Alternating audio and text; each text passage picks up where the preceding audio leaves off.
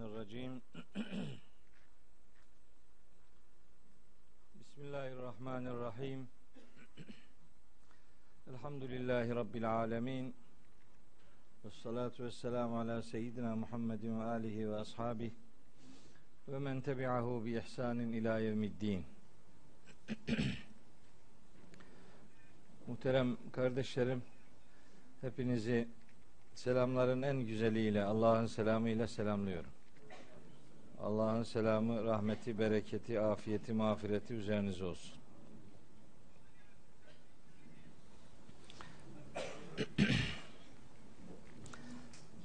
Bu dönem derslerimizi bugün itibariyle başlatmış oluyoruz. Rabbim hayırlısıyla hakikati söylemeyi nasip eylesin. Bize söyleyeceklerimizi doğru söyleyebilmeyi, size de dinleyeceklerinizi doğru dinlemeyi, doğru anlamayı ve doğru yaşamayı, uygulamayı nasip ve müyesser eylesin.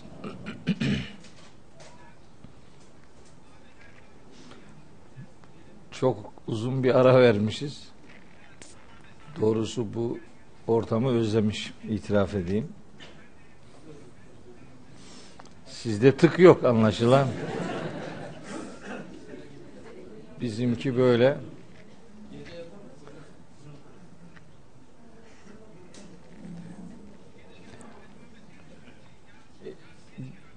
Geç de olsa neticede buluşabilme imkanı bahşetti Rabbim. Ona ne kadar hamd etsek azdır. Neticede Kur'an'ı konuşmaya çalıştığımız bu ortamlarda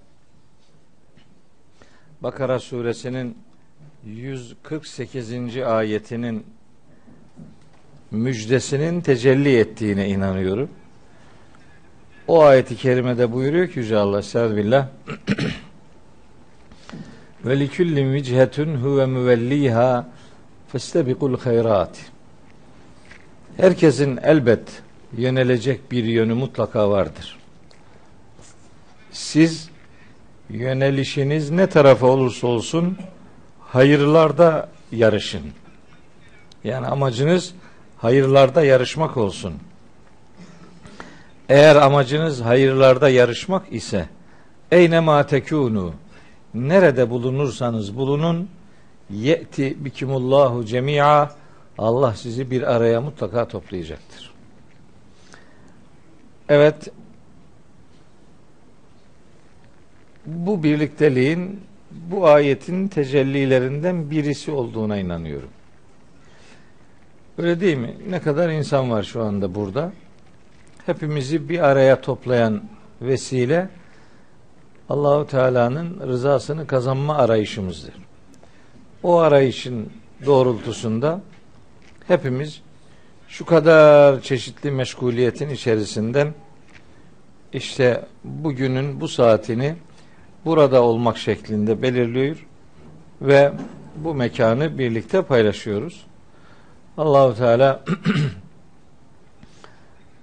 sayimizi meşkur, zembimizi mağfur, ticaretimizi lentebur eylesin. Neyse buradakiler manasını biliyordur bu duanın. Evet. Manasını ben böyle konuşurken bu duayı özellikle yaparım bir yerinde konuşmanın mutlaka. Çünkü bilirim ki dinleyenlerin kahır ekseriyeti orada ne dediğimi anlamıyor. Anlamadan amin diyor.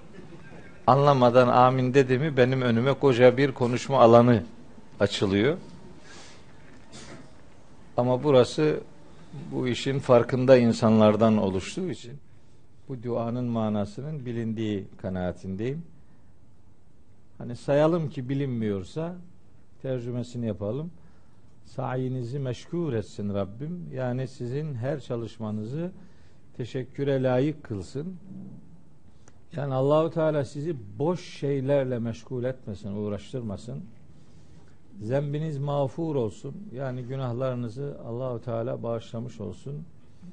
Ve ticaretiniz lentebur olsun ticaretiniz, sevap, ibadet anlamındaki kazanımlarınız zarar ve ziyana uğramasın inşallah.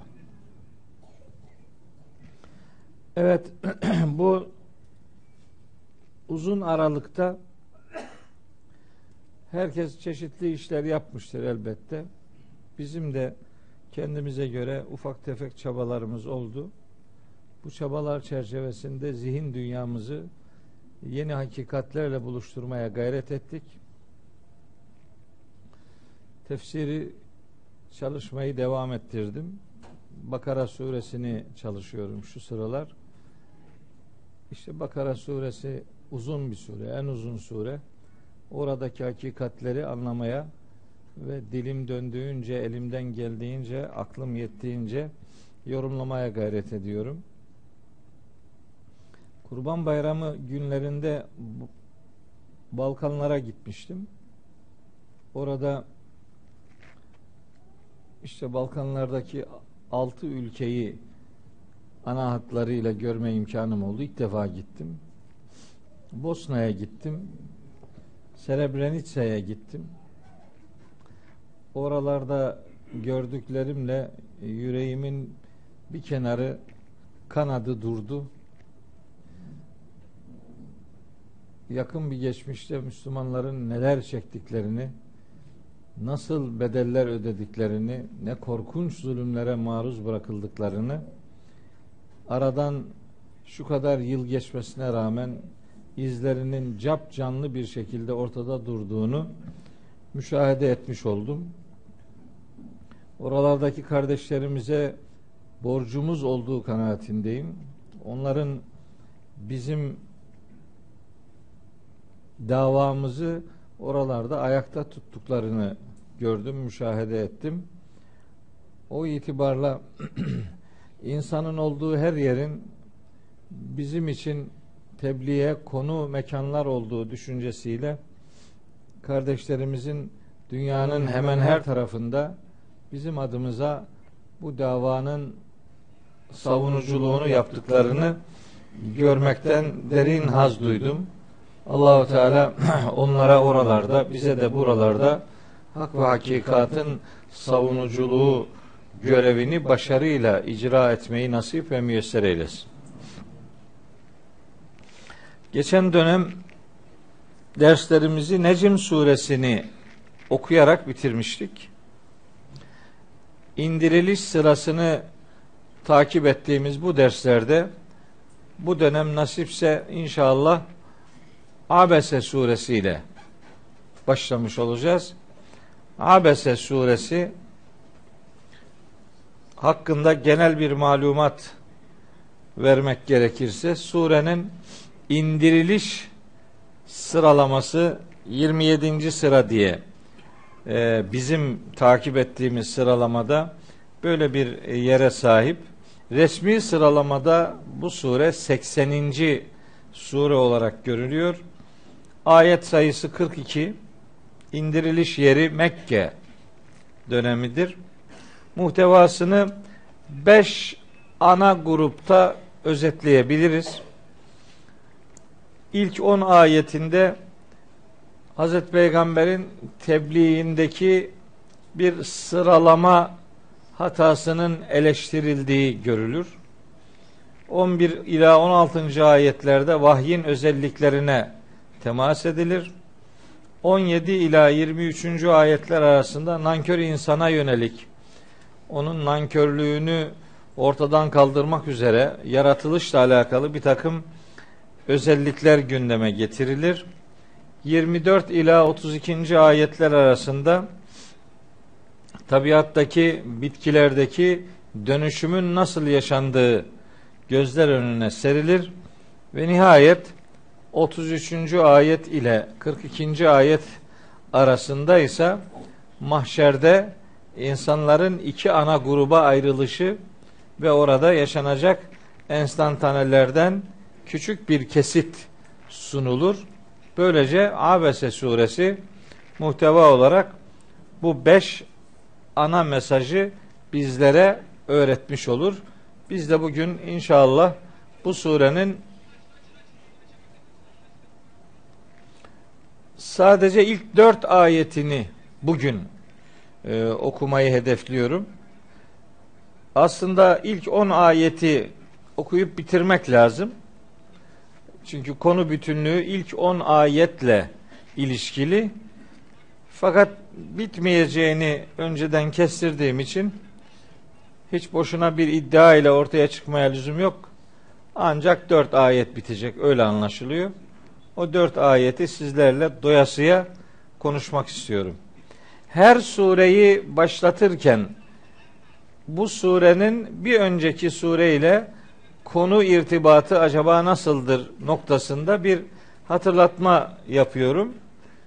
Buna göre Abese suresi ile Necim suresinin konu irtibatı vahyin insanlara sunduğu hakikatler ve insanların bu hakikatlerden istifade edebilmesi, nankör insanların çeşitli duyarsızlık örnekleri, hakikate karşı duruşları, mahşerde yaşanacakların bir bölümü ve insanın yaratılış aşamalarından bir bölümünün ele alınması gibi konular Necim suresi ile Abese suresinin ortak konuları olarak ifade edilebilir. Başka konular da söylenebilir ama yani ana konu irtibatı noktasında bu hususiyetleri hatırlatmış olmak yeterlidir diye düşünüyorum. Şimdi yavaş yavaş surenin genel tanıtımını yaptıktan sonra bu ilk dört ayeti önce bir okuyalım. Sonra dört ayetin tercümesini yapalım. Ondan sonra da bu ayetlere dair elbet söyleyeceklerimiz var. Peyderpey söyleyeceklerimizi sizlere aktarmaya gayret edelim. Esel billah Rabbimiz buyuruyor ki Abese ve tevella en ca'ehul a'ma yanına görme engelli kişi geldi diye yüzünü ekşitip arkasını döndü. Motamot tercüme yapıyorum. Yani herhangi bir e, ilave veya herhangi bir kanaat ortaya koyacak bir şey söylemiyorum. Yanına ama görme engelli biri geldi diye yüzünü ekşitip arkasını döndü. Ve ma yudrike hem sana kavratacak olan nedir ki? Leallehu yezzekka onun arınabileceğine dair. Ev yani yezzekkeru gerçeği hatırlayabilecek fetenfa'ahu zikra gerçeği hatırlamak da kendisine yarar sağlayacak. Bunun böyle olacağını sana bildiren ne olabilir ki? Ayetlerin motamot tercümesi budur. Peki motamot tercüme buysa biz şimdi bu motamot tercümenin içini doldurmaya gayret edelim. Konu nedir? Nelerden söz ediliyor? Ve nihayetinde aslında güne dair nasıl mesajlar öngörülüyor? İşin farkında olanlar ya da meseleye biraz yakından bakmayı bilenler Abese suresinin bu ilk ayetlerinin hangi manaları içerdiği, hangi mesajları içerdiğine dair farklı kanaatlerin söz konusu edildiğini bilirler. Yani kastım şu, burada yüzünü ekşitip arkasını dönenin kim olduğuyla alakalı kanaatler var. Hakim bir kanaat var. Yani oldukça yaygın kabul gören bir kanaat var. Bir de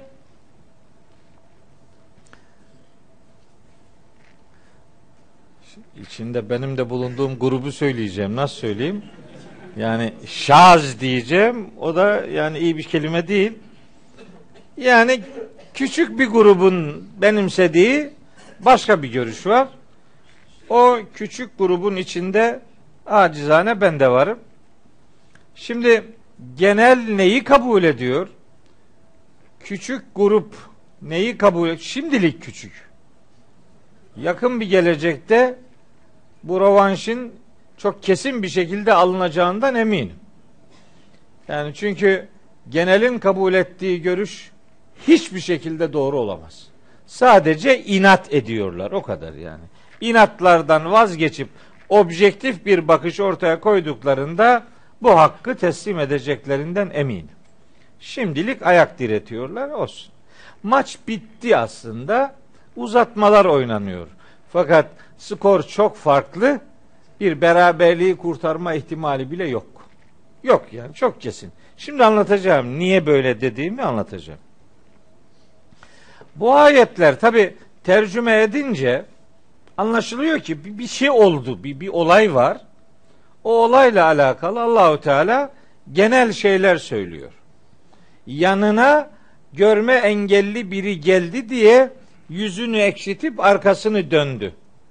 Belli ki birinin yarına birileri geldi ve yanına gelinenler yanlarına gelenden başları hoşlaşmadı. Nedir olay? Olay şu. Nakledilen nüzül sebebi olayı, nüzül sebepleri diye teknik bir konumuz var bizim. Bunu burada zaman zaman söylüyorum. Yani bir ayetin veya bir, bir grup ayetin inişine neden olan olaya nüzül sebebi denilir.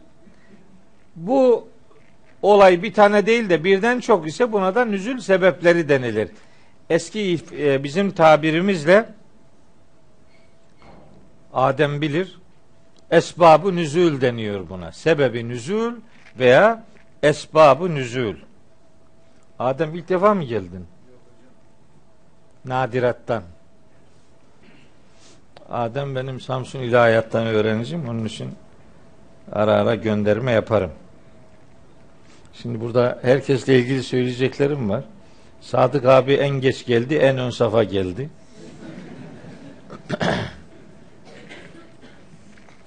Vesaire. Bu cenaha da söyleyeceklerim var. Neyse söylemeyeyim dursun. Evet. Şimdi şöyle bir olay naklediliyor. Peygamberimiz Aleyhisselam bir gün Mekke'nin bu yönetici diyebileceğimiz tabakasından birileriyle bir arada bulunuyor. Utbe bin Rebi'a, işte kardeşi Şeybe bin Rebi'a, Ebu Cehil bin Hişam, Abbas bin Abdülmuttalip, Übey bin Halef, Ümeyye bin Halef, Velid bin Muhire gibi Mekke'nin ileri gelen takımıyla bir arada onlara hakikati tebliğ etmeye gayret ediyor Peygamberimiz. Tam o esnada görme engelli sahabi Abdullah İbni Ümmi Mektum diye bilinen bu sahabi oraya geliyor. Şimdi Peygamberimiz o grupla ilgilenmeye devam ediyor. E, çünkü o gruptan herhangi birinin ikna edilmesi beraberindeki şu kadar insanın Müslüman olması demek. Yani bir takımın liderini ele aldın mı onun tebası otomatik gelmiş oluyor. Dolayısıyla bir şey daha var tabi onu da bu vesileyle söylemek lazım. Peygamberimiz niye onlarla uğraşıyor? Sadece hatırlı adamları kendi tarafına çekme niyetinden ibaret olamaz bu. Şu Ara suresinin 214. ayeti var. Şu Ara suresi 214. ayet.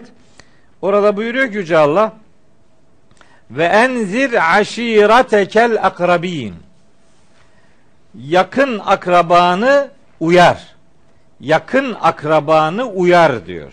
İşte bu sayılanlar hiç olmazsa önemli bir bölümü peygamberimizin yakın akrabası. Onları onları dine davet ediyor ve onları uyarmak istiyor.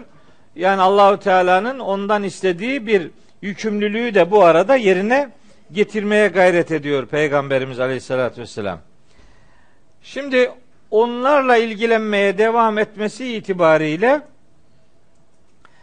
o yanına gelen, oraya gelen görme engelli sahabi ile yeterince ya da gerektiği gibi ilgilenemiyor. İşte o ilgilenememe durumu bu surenin ilk ayetlerinin inişine neden oluyor. Ve Allahu Teala bunun yanlış bir davranış olduğunu, doğrusunun işte o yapılanın tersi olduğunu beyan etmek istiyor. Daha sonraları peygamberimiz bu görme engelli sahabi ile ilgili dermiş ki ya men atebeni rabbi ey kendisi sebebiyle Rabbimin beni uyardığı zat öyle dermiş ona ya men atebeni rabbi kendisi sebebiyle Rabbimin beni uyardığı zat öyle dermiş. Sonra ona dair peygamberimizin oldukça gönül hoşlayıcı beyanlarının ve işlemle eylemlerinin olduğunu biliyoruz. Medine'ye yerine iki defa onu e, vekil bıraktığı ona yönelik izzet ve itibarın bir örneği olarak hatırlanabilir. İşte bu olay üzerine bu ayeti kerimeler indiriliyor. Peki bakalım şimdi yüzünü ekşitip arkasını dönen kim? Abese yüzünü ekşitti ve tevella arkasını döndü. Şimdi Arapçada e, çok keskin diyebileceğim e, oranda uygulanan gramer kuralları vardır. Bu gramer kurallarının en önemlilerinden bir tanesi zamir kullanımıdır. Zamir kullanımı. Zamirin kime ait olduğunu bulmanız lazım. Ayeti doğru anlamak istiyorsanız. Zamirin ait olduğu kelime, şahıs veya varlık neyse onu bulacaksınız. Eğer onu bulamazsanız ayeti olması gerektiği bir anlayamaz, ayete anlam yakıştırması yapmış olursunuz. Şimdi bakın yüzünü ekşitti, arkasını döndü. Abese kim yüzünü ekşitti? Ve tevella kim arkasını döndü? Biz açıktan şunu kabul ediyoruz. En baştan söyleyeyim. Çünkü bu konuda beni eleştirenler var. Bu görüşümü eleştiriyorlar. Hoş bu görüş dediğim sadece bu görüş benim değil ha. Ben bulmadım bunu yani. Olan görüşlerden birini tercih ettim yani. Öyle kahramanlığın bir alemi yok. Ben bulmadım. Allah Fahrettin Razi'ye rahmet eylesin. Fahrettin Razi olmasaydı yanmıştık yani. O açtı önümüzü. Cenab-ı Hak makamını mekanını cennet etsin Fahrettin Razi'nin. Ben ondan öğrendim doğrusu. Ondan öğrendim. E, aklıma yattı, ikna oldum. Gramer kurallarına baktım. Baktım ki doğru demiş adam. Yani bizim takım başka türlü düşünüyor diye ben de o takımın içinde yanlışı tekrarlamak zorunda değilim. Takım da hata yapabilir. Değil mi? Takım zaten hep hata yapıyor. Bizim takımda hiç hayat yok mesela. Değil mi? Bizim takım milli takım da öyle. Milli takım geçen gün yeniliyor 3-0. Yöneticiler gülüyor. Ne oluyor? Ne gülüyorlar? Anlamadım ki bundan bir şey. İyi ki yenildik öyle mi? Hem de burada. Ayıp ya.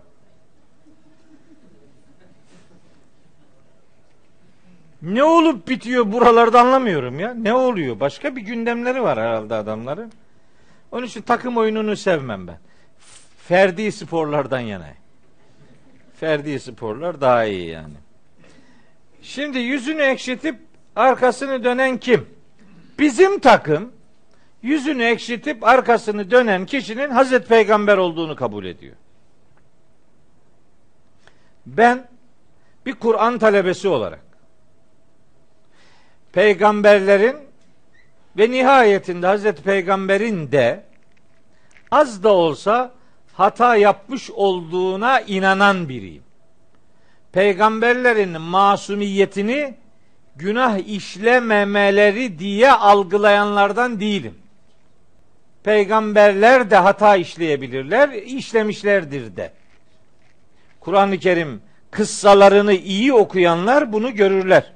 Hazreti Adem'in kıssasında onun nasıl bir hata yaptığını anlamak için çok zeki olmaya gerek yok. Ve asa Ademu rabbehu fegava. Adem Rabbine isyan etti ve azgınlaştı. Taha suresinde bu ifade aynen var. Kendisi söylüyor zaten eşiyle beraber. Kala Rabbena zalemna enfusena ve illem tağfir lena ve terhamna lenekûnenne minel hasirin. Yani bu ifade Hazreti Adem'e ve eşine ait ifadelerdir. Gidin Hazreti Nuh'un kıssasına bakın. Benzer bir özrü göreceksiniz. Gidin Hazreti Yunus'un kıssasına bakın. Benzer bir özrü göreceksiniz. Gidin Hazreti Musa'nın kıssasına bakın. Benzerini göreceksiniz. Hazreti Davud'a bakın göreceksiniz. Ve nihayet Hazreti Peygamber'in kıssasına da baktığınız zaman benzer hataların yapılabilmiş olduğunu göreceksiniz. İyi ki de bunları Allahu Teala bize anlatmış. Ben böyle bir peygamber grubuna bayılıyorum. İşte insan peygamber böyle bir şey. Anlayabildiğin ne olursa olsun insani özellikleri bulunan bir peygamber, peygamber bile olsa elbet hata yapabilir. Fakat peygamberler bu noktada ümmetlerinden bazı açılardan farklıdır. Bir, bir peygamber bir hatayı iki kere yapmaz. İki, bir peygamber sürekli habire hata yapmaz. Üç, bir peygamber hatasından tevbe etmeden ölmez. Çünkü hatası düzeltilmeden ölürse o hata ümmetine sünnet olarak kalır. Böyle bir durum olmaması için peygamberler bir hatayı iki kere yapmaz. Peygamberler sürekli hata yapmaz ve hatasından tevbe etmeden ölmez. İşte olayın farklı tarafı bu. Buradan hareketle hani bizi kendince eleştiren bazı kardeşlerimiz işte duygusal yanaşıyorlar diyor bize. Ne demiş duygusallık? Yani peygamberimize böyle bir hatayı yakıştıramama duygusallığı. Ya Adem'in Hazreti Adem'in kıssasını anlatıyor. Yakıştırsan ne olur, yakıştırmasan ne olur? Anlatıyor Allahu Teala işte canım.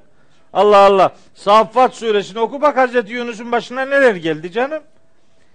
Kalem suresini oku. Kalem suresini fasbir li hukmi rabbike ve la tekun ke sahibil huti.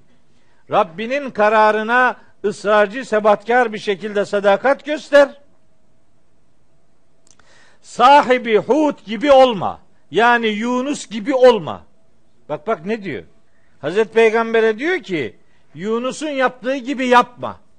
Yunus peygamberin yaptığı doğru olsaydı böyle der miydi Allahu Teala? Bu hata değil mi yani? Hata, hata işlenebilir. Şimdi peygamberimizin hangi hataları yaptığı bu dersin konusu değil. Eğer öyle olsaydı ben mesela Tevbe suresini de, Mücadele suresini de, Tahrim suresini de, Ahzab suresini de sıra sıra okurdum. Ama konu o değil. Fakat prensip olarak yani eleştirirken haklı bir şeyler söylemek gerektiğini ve mesnetsiz suçlamalarda bulunmamak gerektiğini söyleme adına bunu ifade ediyorum. Peygamberlerin nadiren de olsa hata işlemiş olmaları onların peygamberliğine zerre kadar zarar getirmez. İşte insan peygamber böyledir. Değil mi? Fetih suresinde anlatıyor. İnna fetahna leke fethan mubina liyaghfira lekallahu ma taqaddeme min zembike ve ma teakkara. Daha önce işlediğin ve sonradan işleyebileceğin günahları nihayetinde Allah bağışlayacaktır diyor. Günah işlemekten söz ediyor canım. Ama burada sözü edilen ile o, o ayetlerde anlatılan aynı şey değil. Burada peygamberimizi Allahü Teala uyarıyor. Nerede? Üçüncü ayette. Üçüncü ayetten onuncu ayete kadar peygamberimiz uyarılıyor. Tebliğde hata yaptığı için. Fakat yüzünü ekşitip arkasını dönen kişi Hazreti Peygamber değil. Kimdir? Şimdi onun cevabını arıyoruz. Bakın hani biz Kur'an'ı Kur'an'la anlamaya çalışıyoruz ya. Ayetlerin birbirini tefsir etmekte olduğu gerçeğinden hareket ediyoruz ya. Mesela buna benzer bir konu acaba nerede geçiyor? Bakıyoruz. Çünkü Kur'an hem mesanidir hem müteşabih bir kitaptır. Hem de fussilet ayatuhu sümme sümme fussilet ayatuhu min ledün hakimin habir. Ayetleri Allah tarafından açıklanmıştır. Benzeri var, müteşabihidir. Benzeri var, müteşabihi var, konuyla ilişkili olanları var. Bakıyoruz şimdi. Neyi arayacağız? Abese. Birinci kelimesi surenin. Abese. Bakıyoruz bu abese kelimesi bir daha nerede geçti? Veya geçti mi? Açıyoruz bir bakıyoruz ki Müddessir suresinin 22. ayetinde bu fiil bir daha geçiyor. Peki orada konu ne? Orada konu ta surenin 11. ayetinden itibaren gelen bir konu. Müddessir suresi. 74. sure. O 11. ayetten itibaren şimdi orayı bir özetlemem lazım. Konuyu daha iyi anlayabilme adına. Buyuruyor ki Rabbimiz Zerni ve men halaktu vahida Bizim bu dersler kaçıncı yıl? Beş. Nasıl da saydın bunları nasıl hocam ya? Beşinci yıl. Evet. Beşinci yıl ne demek? Biz Müddessir suresini beş sene önce okumuştuk demek. Aslında arada bu surelere bir daha dönmek lazım. Biz bu de biz bu dersleri iki yıllığına almıştık.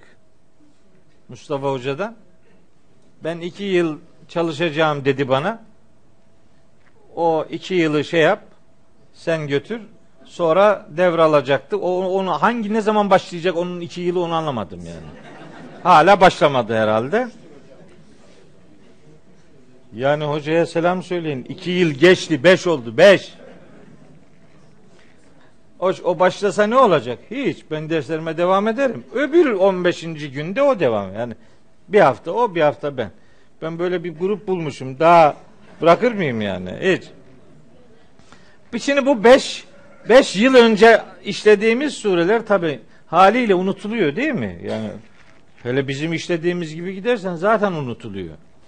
Bir hatırlayalım Müddessir suresine ne vardı? Zerni ve men halaktu vahida. Tek başıma yarattığım şu adamı sen bana bırak. Vahid. Bu Velid bin Muğire'nin e, babasının adı Vahid'miş. Vahid de tek adam. Övünürmüş. Ene Vahid ibn Vahidin. Ben Vahid'in oğlu Vahid'im dermiş. Babam da tekti, ben de tekim. Öyle övünürmüş. Allahu Teala da diyor ki: "Zerni ve men halaktu vahida." Yarattığım o vahidi sen bana bırak. Onun hesabını ben görürüm. Sen kafanı kurcalama. Bu vahid Velid bin Mughire.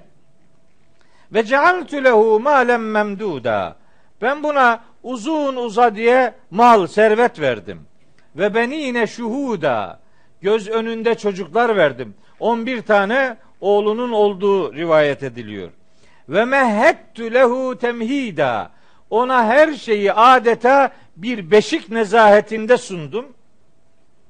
Sümme yetmiyormuş gibi yatma'u en ezide. Bu kadar nimet ve imkan verdim. Hala daha da arttırayım istiyor. Kella hayır. İnnehu kâne li ayatina anida. Bu adam bizim ayetlerimize karşı son derece inatçı bir tavır sergilemişti. Bunun karşılığında seurihikuhu sauda. Ben de onu gittikçe artan bir azaba sürükleyeceğim. Diyor Allahu Teala. İnnehu bu adam fekkere ve kaddere fikir üretti, hezeyan üretti, kendince ölçüp biçti. Fekutile keyfe kaddere kahrolası adam nasıl da ölçüp biçti. Sümme kutile keyfe kadder. Tekrar tekrar kahrolası bu adam. Nasıl da hezeyanlar üretip ölçüp bitti, biçti. Sümme nazar. Sonra bakındı sağa sola. Sağa sola bakındı, çare arıyor. Çare bulamayınca sümme işte bu adam abese yüzünü ekşitti ve besere suratını astı. Sümme sonra edbere arkasını döndü ve stekbere ve kibir gösterdi. Fekale dedi ki in hâzâ illa sihrun yu'seru. Bu peygamberimiz için onun söylediği şeyler eskiden beri aktarıla gelen bir büyüden başka bir şey değildir. İn hâzâ illa kavlül beşer. Onun söylediği bu sözler sadece bir beşerin sözüdür, başka da bir şey değildir. 11. ayetinden 25. ayetine kadar. Müddessir suresinin. Konu kim? Velid bin Muire. Ne yapmış? Abese yapmış. Besere yapmış. Edbere yapmış. İstekbere yapmış. Abese fiili Kur'an'da iki kere geçiyor. Biri burada Müddessir suresinin 22. ayetinde diğeri ise Abese suresinin birinci ayetinde. Yani bir fiil Kur'an'da iki kere kullanılır. Hem de son derece manası yani sıkıntılı bir fiil. iki kere kullanılır. Biri İslam'ın en büyük düşmanı Velid bin Mughire için, biri de Hazreti Peygamber için. Öyle mi? Kusura bakma. Kusura bakma. Ben o fikre sadece güler geçerim. Abese Velid bin Mughire ile alakalıdır. Nüzül sebebini aktarırken dedim ki Peygamberimiz Aleyhisselam'ın yanına gelenler Mekkeli bir gruptu ve içlerinde bu adam vardı. Yani Velid bin Mughire oradaydı yani. Oradaydı ise yüzünü ekşitip arkasını dönen oydu. Diyorum ben. Peki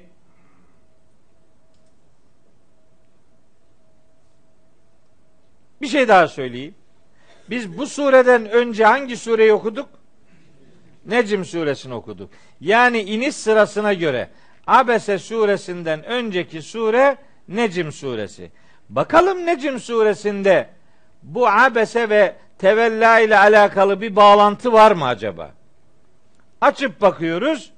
Bakıyoruz 33. ayet şöyle başlıyor. Abese sur şey Necm suresinin. Eferaeytellezî şu adamı gördün mü hiç? Tevella arkasını döndü. Abese ve tevella aynı fiil.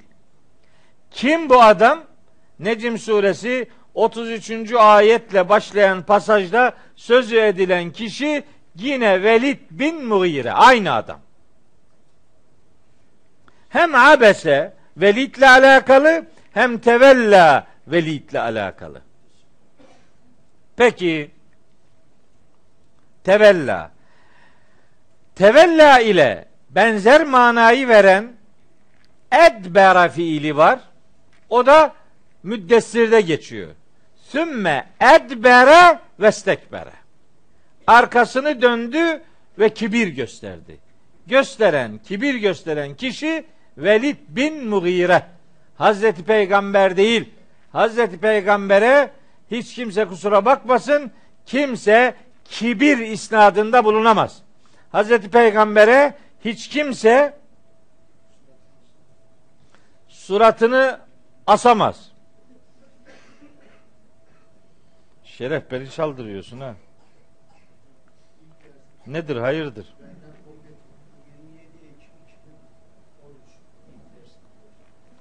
2013, 2014, 15, 16, 17. 5 işte. Nasıl hocam yani şeyi çeteleyi tutuyor. Çünkü bu dersleri başlatan kişi Nasuhi hocamdır. Evet estağfurullah değil. Günah değil bu. Yani hayra vesile oldun. Ne güzel. Nasuhi hocam başlattı bu dersleri. Allah ecrini zayi etmesin. Geldi bana dedi ki biz karar verdik 5 sene önce. Ne kararı? Vakıfta ders başlatıyoruz dedi. İyi dedim hayırlı olsun. Kur'an'ı konuşacağız dedi. Ne güzel dedim bereketli olsun. E, sen yapacaksın bunu dedi. Dedim ben yapacağım benim haberim yok. Olsun dedi biz karar verdik dedi sen başlayacaksın dedi. Bu dersler öyle başladı. Allahu Teala ecrini zayi etmesin. Evet 5 yıl oldu ben de biliyorum şeyi e, tarihi öyle geldi. E, şimdi diyorum ki abese fiili de tevella fiili de her ikisi de Kur'an-ı Kerim'de böyle olumsuz içerikte abese kesin olumsuz içerikte geçiyor ve ikisi iki kullanıldığı yerde de Hazreti Peygamberi değil Velid bin Mughire'yi ilgilendiriyor. Yüzünü ekşitip arkasını dönen kişi Peygamberimiz Aleyhisselam değil Velid bin Mughire'dir. Bu adam müddessirdeki ifadelerden anlaşılıyor ki kendini kibirli gören bir adam. İşte istekbere o demek. İstikbar gösteriyor. Kendini istikbar, istifal babının öyle bir manası var. Bir şeye sahip olmamasına rağmen o şey ondaymış gibi kendini sunmak. İstikbar büyük olmamasına rağmen büyüklük taslamak. Mesela istigna insanlara nispet edildiğinde kendine yeterli olmamasına rağmen kendini yeterli sanan kişi demektir. İstikbar da budur. Aslında büyük değil, kendini büyük zannediyor, bir şey zannediyor kendini. Böyle bir adam. İşte bu adam Peygamberimiz onunla konuşurken yanına o görme engelli sahabi geldi diye yüzünü ekşitip arkasını dönmüştür. Velid bin Mughire. Şimdi efendim yani bir suredeki bir fiili bir önceki suredeki bir kelimeyle ilişkilendirmek doğru mudur? Doğrudur. Niye? Şimdi bu surelerin başında şöyle işaretler var ya, sure başları böyle hani böyle iki satırlık bir boşluk verirler. Sonra araya besmele koyarlar filan. Bu besmeleler teberrüken yazılmıştır buraya. Surenin bir parçası değildir bu besmeleler. Böyle surenin başındaki bu e, süsler de vahiy indirildiğinde böyle şeyler yoktu. Bunlar sonradan konuldu. Siz burayı bu, bunları yok sayın şurayı. Bunun hemen arkasında Necim suresi var demektir yani. Dolayısıyla iki kilometre uzakta zamir aramıyorsun yani. Hemen 5-10 ayet öncesinde arıyorsun. Hatta ben bu iniş sırasına göre surelerin birbiriyle anlam ilişkisi olduğuna inandığım gibi ayrıca resmi sıralamada olması itibariyle bir önceki surede de benzer anlam ilişkileri bulunur kanaatindeyim. Nitekim bakın Naziat suresinde Allahu Teala iki insan tipinden söz eder. Bunlardan biri ayeti kerimeyi numarasını söyleyeyim. Fe emmâmen ta azgınlık yapan kişi ifadesi geçiyor 37. ayette ve aseral hayate dünya dünya hayatını tercih eden kişi fe innel cehime hiyel me'va cehennem onun sığınağıdır, son durağıdır. Azgın adamdan söz ediyor. İşte o azgın adam örneği Abese suresinin ilk ayetinde beyan buyuruluyor. Dolayısıyla hem iniş sırası itibariyle Necim'le Abese arasında hem resmi sıralamada Naziat'la Abese arasında Abese fiilini, tevella fiilini olumsuz bir insana götürme noktasında önümüzde herhangi bir engel söz konusu değildir. Şimdi bir iddia daha e, dile getiriliyor. Deniyor ki şimdi Arapçada bazı sanatlar vardır. Sanatlar. Kur'an-ı Kerim Arapçanın efendim kelime bilgisi demek olan sarf ilminin de cümle bilgisi demek olan nahiv ilminin de şaheseridir Kur'an-ı Kerim. Ama Kur'an asıl şaheserliğini edebiyatta ortaya koyar. Kur'an-ı Kerim bir edebiyat şaheseridir. Onda bu sanatlar adeta zirve yapmıştır. Şimdi Kur'an'da sıklıkla kullanılan sanatlardan bir tanesi iltifat sanatıdır. İltifat sanatı şu. Şimdi bir sözü söylersiniz. Diyelim ki üçüncü tekil şahısta o, o, o, o, o dev gelirsiniz. Sonra bir anda o ifadesini bana veya bize dönüştürürsünüz. Veyahut da sana veya size dönüştürürsünüz. İfadeyi bir anda zamir değişimine tabi tutmak. Buna iltifat sanatı deniyor. Bunun yapılmasının sebebi de muhatabın zihnini dinç tutmayı sağlamaktır. Hani sıradanlığı, tek düzeliği bırakıp uyanık olmayı sağlamak iltifat sanatı ile elde edilir. Ama bu iltifat sanatının yaşanabilmesi için önce cümleler bir çeşit gelecek, sonra değişecek. Diyorlar ki abese ve tevella'da iltifat sanatı var. Ne iltifatı ya? Bununla daha önce en başı bu. Bunda iltifat olmaz. İltifat aşağıdakilerde aranır. En başta iltifat aranmaz. İltifat olabilmesi için önce ifadeler gelecek, sonra değişecek ki iltifat olsun. Daha başlarken iltifat. Ne iltifatı? Başlarken iltifat sanatı olmaz. Dolayısıyla burada iltifat sanatı var demek gerçeği hiçbir şekilde karşılamaz. Eğer iltifat sanatı arayacaksanız burada onu abese ve tevellayı abeste ve tevelleyte diye aramayacaksınız. Abeste ve tevelleyte en ekel a'ma gibi anlamayacaksınız. İltifat sanat arayacaksanız abese ve tevella en ca'ehul a'ma ve ma yudrihi leallehu yezzekka. Orada arayacaksınız onu. Tepede aranmaz bu. Aşağıda aranır.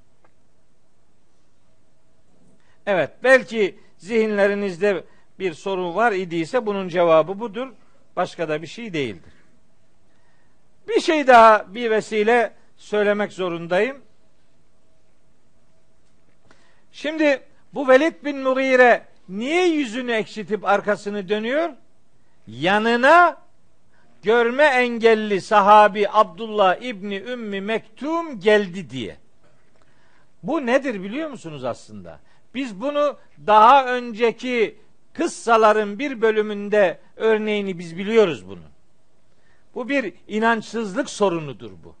Bu bir vitrin hastalığıdır bu. Vitrin hastalığı. Vitrin hastalığı ne? Şimdi bir görüntü verecek adam. O görüntüde tam kafasına uygun kişilerin olmasını istiyor. Layık mıdır, değil midir onunla ilgilenmiyor. Hazreti Nuh'un kavmi Hazreti Nuh'a geliyor o kafir kavim. Diyorlar ki bakın ne diyorlar. Hazreti Nuh'un kafir kavminin Hazreti Nuh'tan istediklerini benim Müslüman kardeşlerim Hazreti Peygamber'e uygulatıyorlar anlamadı. Fekâlel mele'ullezîne keferû min kavmi. Onun kavminden kafir olan yöneticiler Hazreti Nuh'un kavminden Hud suresi 27. ayeti okuyorum. Onun kavminden kafir olan yöneticiler demişler ki ma nerake illa beşeren mislena. Biz seni tıpkı bizim gibi bir adam görüyoruz. Ve ma nerake tebeake sana tabi olanları da sadece şöyle görüyoruz. İllellezinehum o adamlar eraziluna bizim en rezillerimizdir. Badiyer ra'yi en basit görüşlü olanlarımız. Ayak takımı. Bunları uzaklaştır yanından diyorlar Hazreti Nuh'a. Bunlar orada varsa biz yokuz diyorlar. Sonra 29. ayette Hazreti Nuh onlara diyor ki veya kavmi la es'elüküm aleyhi mala. Ey kavmim bu yaptığım tebliğe karşılık sizden bir mal servet istemiyorum. İn ecriye illa alallahi. Benim ücretim Rabbime aittir. Ve ma ene bi taridillezine amenu. Ben iman eden kişileri yanımdan hiçbir şekilde kovmam. Yanından kov diyorlar. Bunların ne işi var burada? Bunlar varsa biz yokuz demeye getiriyorlar. Bu Hazreti Nuh'un kafir yönetici tabakasının ondan istediği bir talep idi. Şeyde şu Ara suresinde gene Hazreti Nuh ve kavmiyle alakalı orada geçiyor ki surenin 111. ayetinde kavmi Hazreti Nuh'a diyor ki kalu enü'minu leke ve tebe'akel erzelune. Şimdi biz sana inanacağız öyle mi? Ve tebe'akel erzelune. Bu reziller senin peşine geliyor. Bu ayak takımı senin peşinde yanında vitrininde bunlar varken biz sana inanacağız. Öyle mi? Hazreti Nuh diyor ki onlara kale ve ma ilmi bima kanu yamelun. Ya ne yapıp ettiklerini ben bilmiyorum. İn hisabuhum illa ala rabbi lev teş'urun. Biraz olsun kafanız çalışıyorsa bilin ki onların hesabı Allah'a aittir. Ve ma ene bi taridil müminin. Ben müminleri yanımdan kovmam. Peygamber ahlakı budur.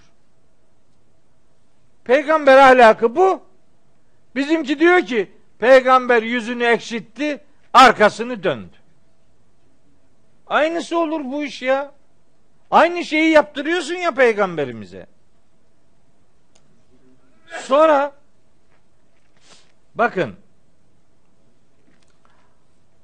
biliyorsunuz şeyi İblisin Hazreti Adem'e karşı tutumunda da bir vitrin hastalığı vardır.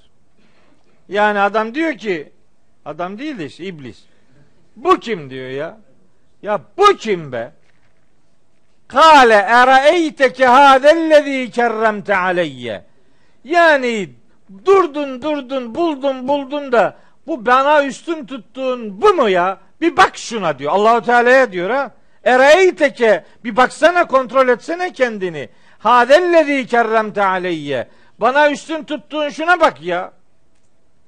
Bu bir iblis hastalığıdır. Vitrinciliktir bu. Vitrin hastalığıdır. Müslümanda böyle bir arıza olamaz. Müslümanda böyle bir arıza olamazsa bu arızayı Hazreti Peygamber'in yanından yöresinden geçirmek bile akla ziyandır.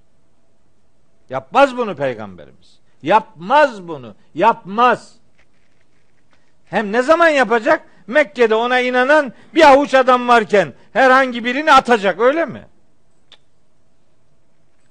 Şimdi tabi sırası yani laf uzar, uzar diye korkuyorum. En'am suresinde uyarıcı ayetler var. Keyif suresinde uyarıcı ayetler var. Vahyin inşa ettiği bir peygamberin böyle bir görüntü vermesi mümkün değildir. Bu vitrin hastalığını biz Tebbet suresinde de biliyoruz. Ebu Leheb geliyor peygamberimize diyor ki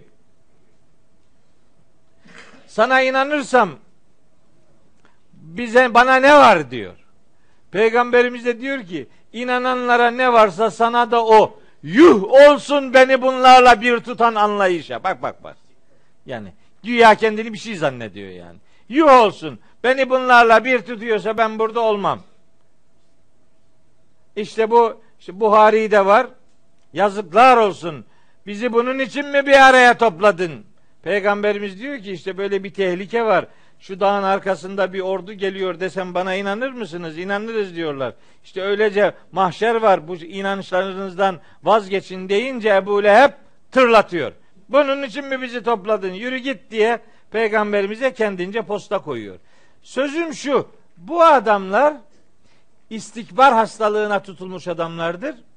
Müminlerle, inananlarla kendilerini aynı safta görmeye tahammül edemiyorlar. Onun için yüzünü ekşitip arkasını dönen kişi Efendimiz Aleyhisselatü Vesselam değil, onun yanında dini tebliğ etmekle o an meşgul olduğu Velid bin Mughire ve avanesidir. Benim anladığım ya da bizim anladığımız budur. Gerisi nasıl anlıyorsa devam etsin. Nasıl anlıyor? Büyük çoğunluk işte burada not aldım. Yüzünü ekşitip arkasını dönen kişiyi Hazreti peygamber olarak kabul ediyor. Şimdi peygamberimize geliyor. Abdullah İbni Ümmü Mektum bir şey soruyor. Peygamberimiz ona itibar etmiyor. Öyle mi? Bu buraya mı geldi şimdi? Peki hani uyarılmıştı daha önce indirilen surelerde? Daha önce indirildiğini bildiğimiz surelerde uyarılar var. Değil mi? Ve emmessâ ile felâ tenher Biri sana bir şey soruyorsa sakın onu azarlama. Duha suresinde geçiyor. E uyarılmış olmasına rağmen peygamberimiz uyarıya itibar etmiyor oluyor değil mi böyle? Dolaylı olarak iş buraya çıkıyor. Bu doğru değil. Genelin kabul ettiği bu maalesef. Yüzünü ekşiten, arkasını dönen kişi peygamberimiz. Peki or oradan bakalım. Acaba öyle olursa ne olur?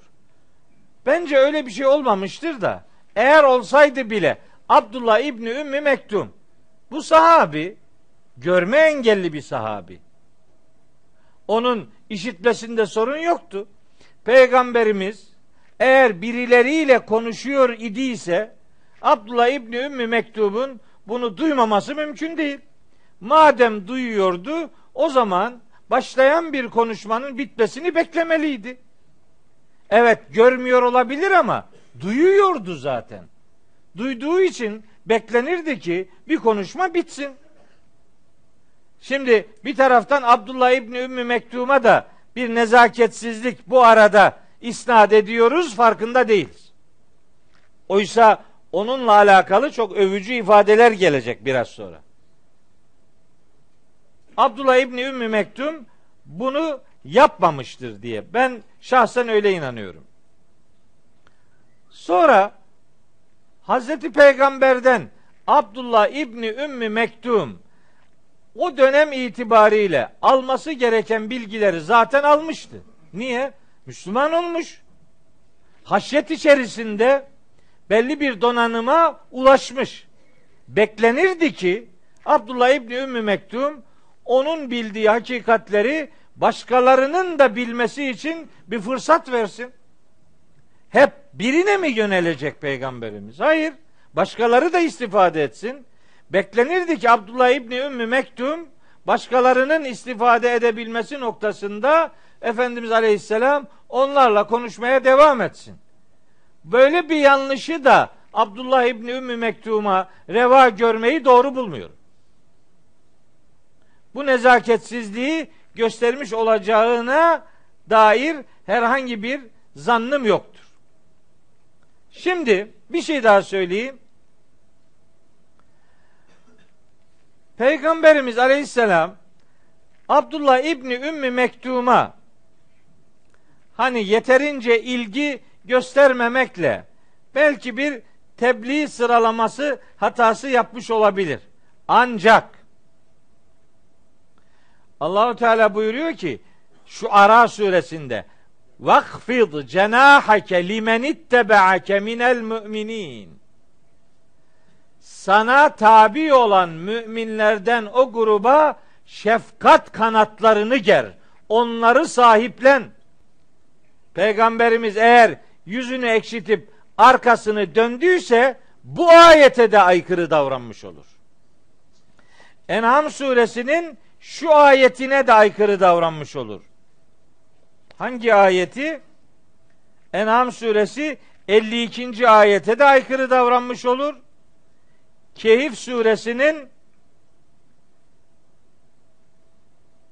28. ayetine de aykırı davranmış olur. Şu Ara suresinin 215. ayetine de aykırı davranmış olur. Peki nedir nedir zorumuz ne yani? Niye bütün bunları zorluyoruz? Bütün bunları zorlamamızın sebebi Peygamberimiz Aleyhisselam'ın yüzünü ekşitip arkasını dönen biri olduğunu ispatlamak. Hem peygamberimize yapmadığı bir hatayı isnat etmek hem de onun yanına gelen görme engelli sahabiye neticede yapmadığı bir takım nezaketsizliği yapmış muamelesi göstermek.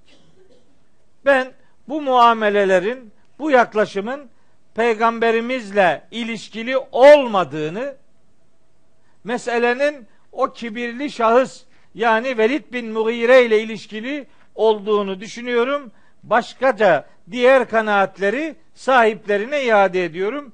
Onlar öyle inanıyorlarsa varsın inansınlar.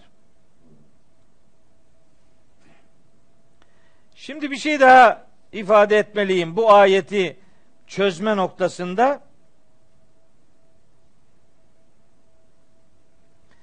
Encaehul ama. Encaehu. Şimdi orada bir zamir var. Hu. Encaehu. Li en caehu demek bu. Veya iz caehu demek yani. Yanına geldi diye. Hu onun yanına. Kimin yanına? Peygamberimiz geçmedi. Peygamberimize ait bir kelime geçmeden onun yanına denmez. Bu zamiri de yani buradaki o zamirini de karşılığını bulabilmek için abese ve tevella fiillerinin failini tespit etmek gerekir. Eğer o fiillerin faili Velid bin Mughire ise ki kanaatim odur. Encaehul a'ma yanına o ama sahabi geldi diye yanına dediği Velid bin Mughire. Kendisinin yanına geldi diye muhtemelen peygamberimiz diyelim mekanın bu tarafında duruyor. Öbürler karşı tarafta. O da o taraftan gelmiş olsun ve orada yanına bu görme engelli sahabi geldi diye yüzünü ekşitip arkasını dönüyor. Bu Velid bin Mughire. Ben bu ayetler vesilesiyle esasında görme engelliler bağlamında bedensel engellilere nasıl davranılması lazım geldiğine dair böyle bir konu başlığı belirleyip işte e, zannımca aklım yettiğince bir takım kanaatler ortaya koymaya gayret ettim. Ama şimdi öbür iki ayeti okuyabilme adına ben o, o kanaatimi şimdilik kaydıyla e, dile getirmiyorum. Devam ediyorum. Üçüncü ve dördüncü ayetleri anlamaya devam ediyorum. Konu bölünmesin. Çünkü o engellilere yönelik davranışlar konusuna girersem kopacağız bu ilk iki ayetten, üç ve dördüncü ayetlerden. Konuyu toparlama adına e, devam ediyorum. Üçüncü ve dördüncü ayete. Şimdi bakın şöyle başlıyor. Üçüncü ayet. Estağfirullah. Ve ma yudirike. Ha, ifade değişti şimdi. Ve ma yudirike. İlk iki ayette o o dedi. Velid bin Mughire ile alakalı bir davranışı ortaya koydu. Şimdi hitap peygamberimize döndü. Orada hitap Velid'le ilgiliydi. Üçüncü ayette muhatap artık peygamberimiz. Ve ma yudirike kaf harfi hitap e, edatıdır. Sen demektir. Ve ma yudrike sana idrak ettirecek olan ne olabilir ki? Sana bildirecek olan ne olabilir ki? Leallehu yezzekka. Onun arınabileceğine dair. Burada da bayağı iş var yani. Bayağı iş var. Yani ayeti kerimeler öyle bu Mekki surelerin ayetleri kısa kısa iki kelimeden meydana gelir. 10 saat konuşsam bitiremez. Öyle ustalıklı bir edebiyat şaheseri olması itibariyle harika bir sunumu vardır Rabbimizin. Ama burada şimdi tartışma yok ve ma yudrike Muhatap Hazreti Peygamber. Hiç başkası olma ihtimali yok. Ve ma yudrike. Sana bildirecek olan ne olabilir ki? Şimdi bu ve ma edrakeler var Kur'an-ı Kerim'de. 10-12 yerde geçiyor. Ve ma edrake. Ve ma edrakeler var. Bir de ve ma yudrike. Ve ma yudrikeler üç tane. Bunun bir tanesi Ahzab suresinde ve ma yudrike 63. ayette.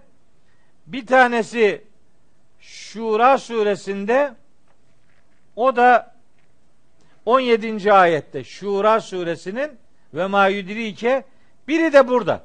Abese suresinin 3. ayeti. 3 tane ve ma yudrike var. Ve ma edrakeler 12 tane. İşte o Hakka'da var, işte Müddessir'de var, işte Mürselat'ta var, İnfitar'da var. Ne bileyim işte 12 tane var işte. Belet'te var, Kadir'de var, Kari'a'da var, Hümeze'de var, var da var. Ve ma edrake ve ma yudrikeler. Şimdi ben buradan birine rahmet okumalıyım. Kime?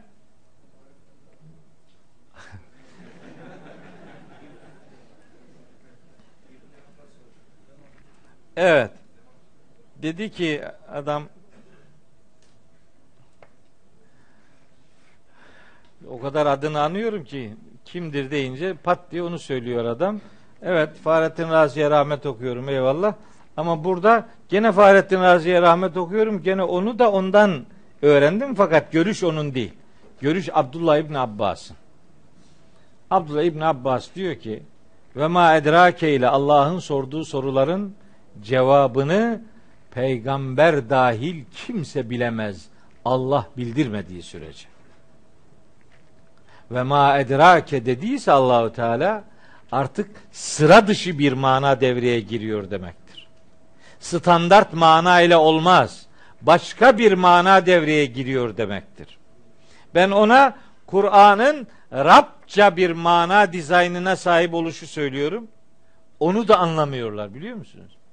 Rabça bir mana dizaynı vardır Kur'an'da diyorum. Adam diyor ki yani şimdi bu ne demek? Allah başka tanrılarla özel bir dil mi kullanıyor? Bak bak bak bak. Ne zekisin ya. Bunu ancak çok süper zeka ancak bunu düşünebilir. Rabça mana demek standart ve sözlük manasının ötesinde Allahu Teala'nın kavrama kattığı ekstra boyut demektir. Allah'ın konuştuğu özel dil değil. Kur'an metni Arapça, manası Rabça bir kitaptır diyorum. Mana Arapçadır. Yani Arapçayı bilen herkes bunu sözlüğü önüne alarak ha ben bunu çözdüm filan diyemez yani. Bunda bir Rabça anlam örgüsü var. O Rabça anlam örgüsünü Kur'an'ın bütününe vakıf olarak çözersin. Bunun en önemli örnek kullanımlarından biri de ve ma edrakelerdir işte. Ve ma edrakelerle Rabbimizin sorduğu soruların cevabını Rabbimiz verir. Mesela nedir? El hakkatü mel hakkatü ve ma edrake mel hakkatü. O gerçek, gerçekleşecek olan hakikat nedir? Bunu sana bildiren ne olabilir ki der. Ondan sonra o hakikatin kıyamet ve mahşer olduğunu devam eden ayetlerde anlatır. Ve ma edrake ma yevmüddin. Sümme ma edrake ma yevmüddin. Hesap gününün ne olduğunu sana bildiren ne olabilir ki? Tekrar tekrar hesap gününün ne olduğunu sana bildiren ne olabilir ki diye sorar. Yevme la temliku nefsün li nefsin şey'a vel amru yevme izin lillah. O gün hiçbir canın hiçbir can için hiçbir şeye sahip olamayacağı bir gündür. O gün hükümranlık sadece Allah'a aittir. İşte din gününü o boyutuyla Rabbimiz tanıtıyor. Ve ma edrake ma sekar. Sekarın ne olduğunu sana bildiren ne olabilir ki? Sekar yakıcı ateş demek. Arapçayı bilen herkes bilir bunu. Ama Allahu Teala ona Rabça bir boyut kazandırıyor. Buyuruyor ki: "La tubqi ve la tezer levvahatun lil beşer aleyha tis'ate aşer."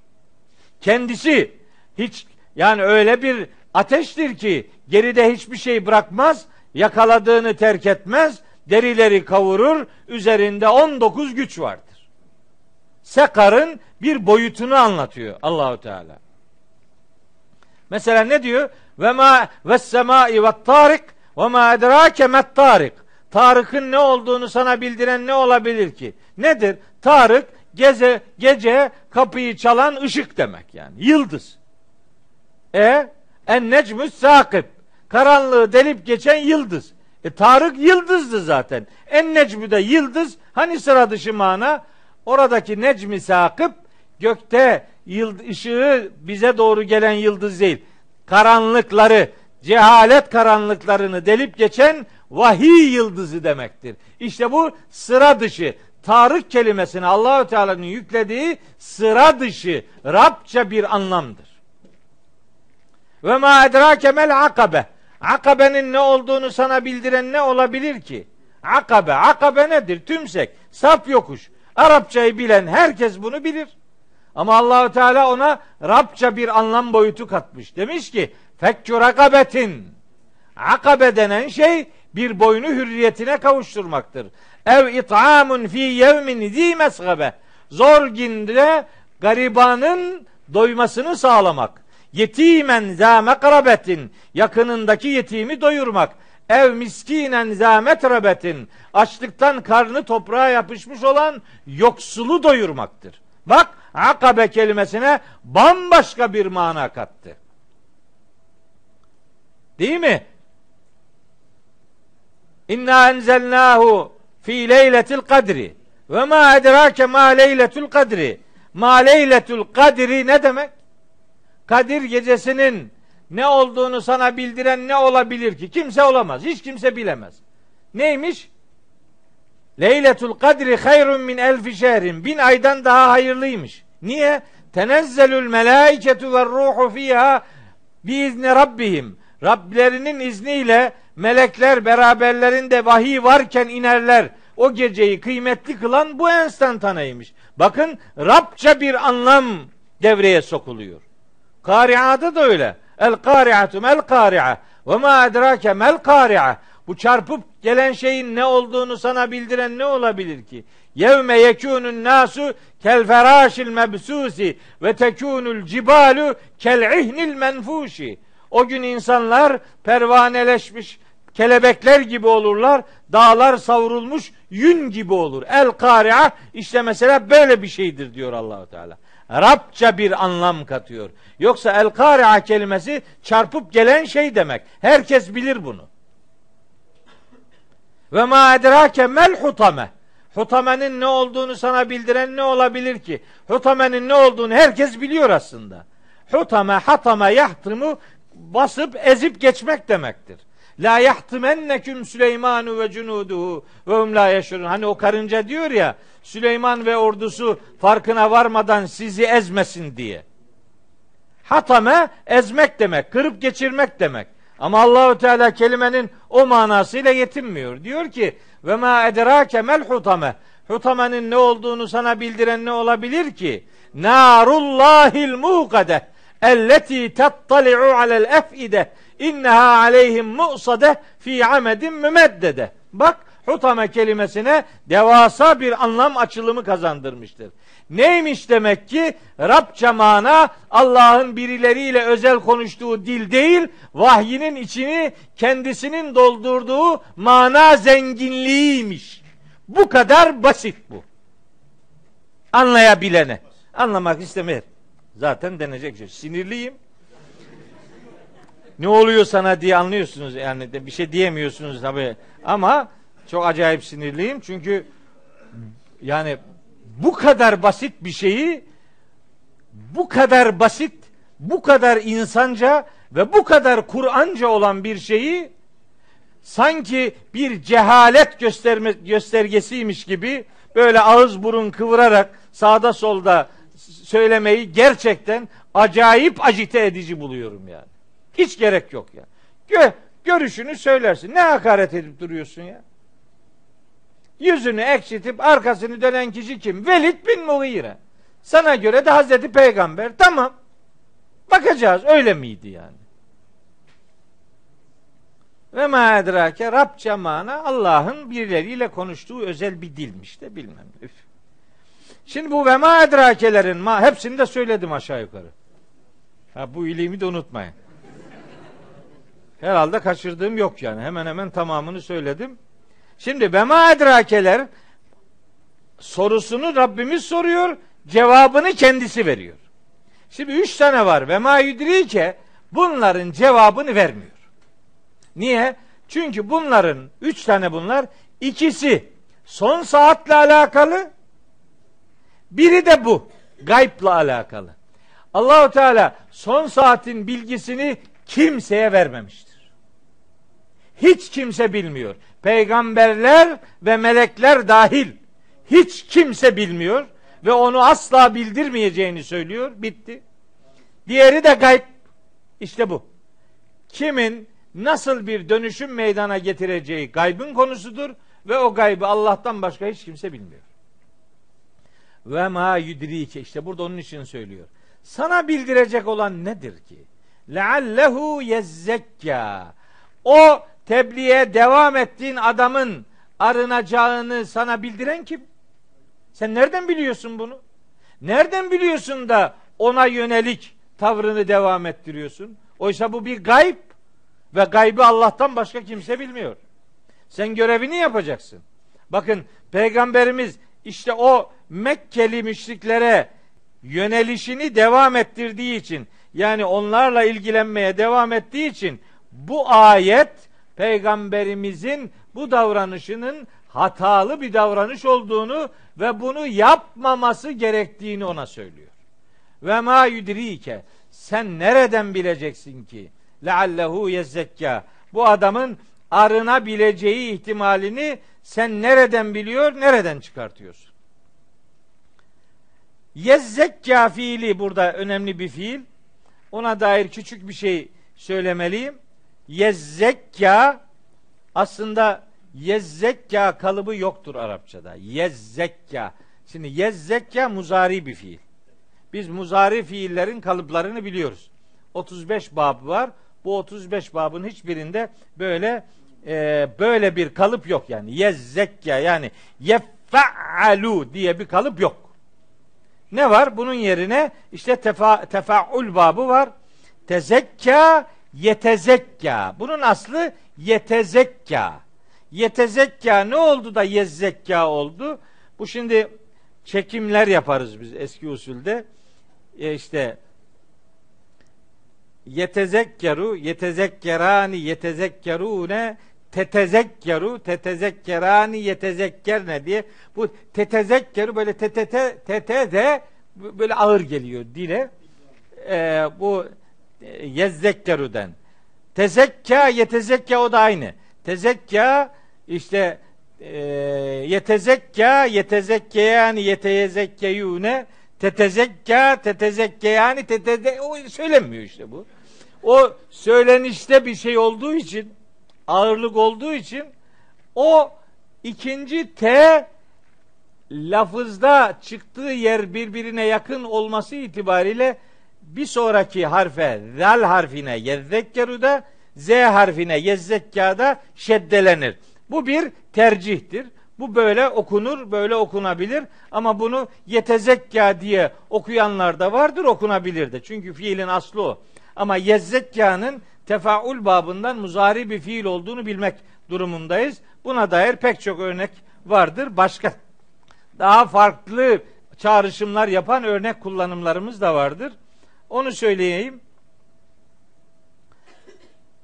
Ha şimdi leallehu yezzekka arına, arınabileceğini sana bildiren ne olabilir o kişinin? Kimin arınmasından söz ediliyor? Kim arınacak? Şimdi burada iki ihtimal var. Birinci ihtimal şu. Ve ma yudrike sana bildirecek olan ne olabilir ki? Leallehu o o hu'nun şimdi o. Kim o? O'yu bulacağız. Beklenir ki zamiri yakınına götürelim. Götüreceğimiz en yakın kelime a'ma kelimesi. Yani o görme engelli. Buna göre mana şöyle olur sana bildirecek olan ne olabilir ki belki o ama kişi arınacak. Birinci anlam bu. Fakat benim tercih ettiğim mana bu değil. Niye? Çünkü böyle olduğu zaman bu o zat yani o görme engelli sahabi için zaten 7 ve 8. ayette diyor ki ve emmâ men câeke yes'a ve huve yakhşa bu zaten haşyet içerisinde, zaten dönmüş, zaten arınmış bir adam. Onun için aynı fiili bir daha kullanmaya gerek yok.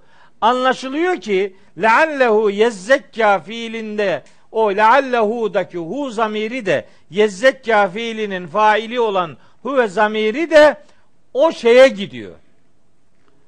O o herifin şerife gidiyor. O Velid bin Mughire'ye gidiyor. Sen şimdi onunla konuşmaya devam ediyorsun. Nereden biliyorsun? Sana bildiren ne olabiliyor ki? Nereden bileceksin ki o konuşmaya devam ettiğin kişi arınacak? Nereden biliyorsun? Ev, ev veya iki ihtimali de söyledim. Sahabi olursa e, anlam öyle olur fakat işte sonraki ayetler bunu biraz zayıflatıyor. Bu Velid bin Mughire olursa anlam budur. sen sana bildirecek olan ne olabilir ki onun arınacağını? Ev ya yani yevvekkeru gerçeği hatırlayacak fetenfe'ahu zikra gerçeği hatırlamak ona fayda verecek. Şimdi bu ev edatına veya manası veriliyor. Ben veya manası da verilmemesi gerektiği kanaatindeyim. Yani arınmak başka bir şey, gerçeği hatırlamak başka bir şey değil esasında. Arınmanın başka bir ifadesi gerçeği hatırlamaktır. Yani o adamın arınabileceğini yani gerçeği hatırlayıp bu hatırlamanın kendisine yarar sağlayabileceğini sana bildirecek olan ne olabilir ki? Dolayısıyla sen bunun ne olacağını, akıbetin nasıl geleceğini neticede bilmiyorsun. Bilmediğin bu şeyden dolayı tebliğini onunla sürdürüyor olman bir tebliğ sıralaması hatası oluşturmaktadır.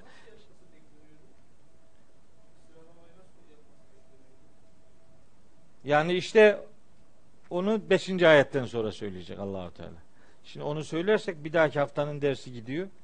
Orada diyor emma men istagna fe ente lehu tasadda ve ma aleyke ella yezzekka ve emma men caeke yes'a ve huve yakşa fe ente anhu teleha. Kella. Hayır bu yaptığın yanlış. Diyor. Yanlış. İnneha tezkire. Femen şa'e zekere. Bütün bunlar gerçeği hatırlatan unsurlardır. Dileyen gerçeği hatırlat. Senin istediğin adam gerçeği hatırlayacak diye bir şey yok. Kim talipse ona yönelmeliydin demeye getiriyor. Bir sonraki dersimizin konusu odur. Evet.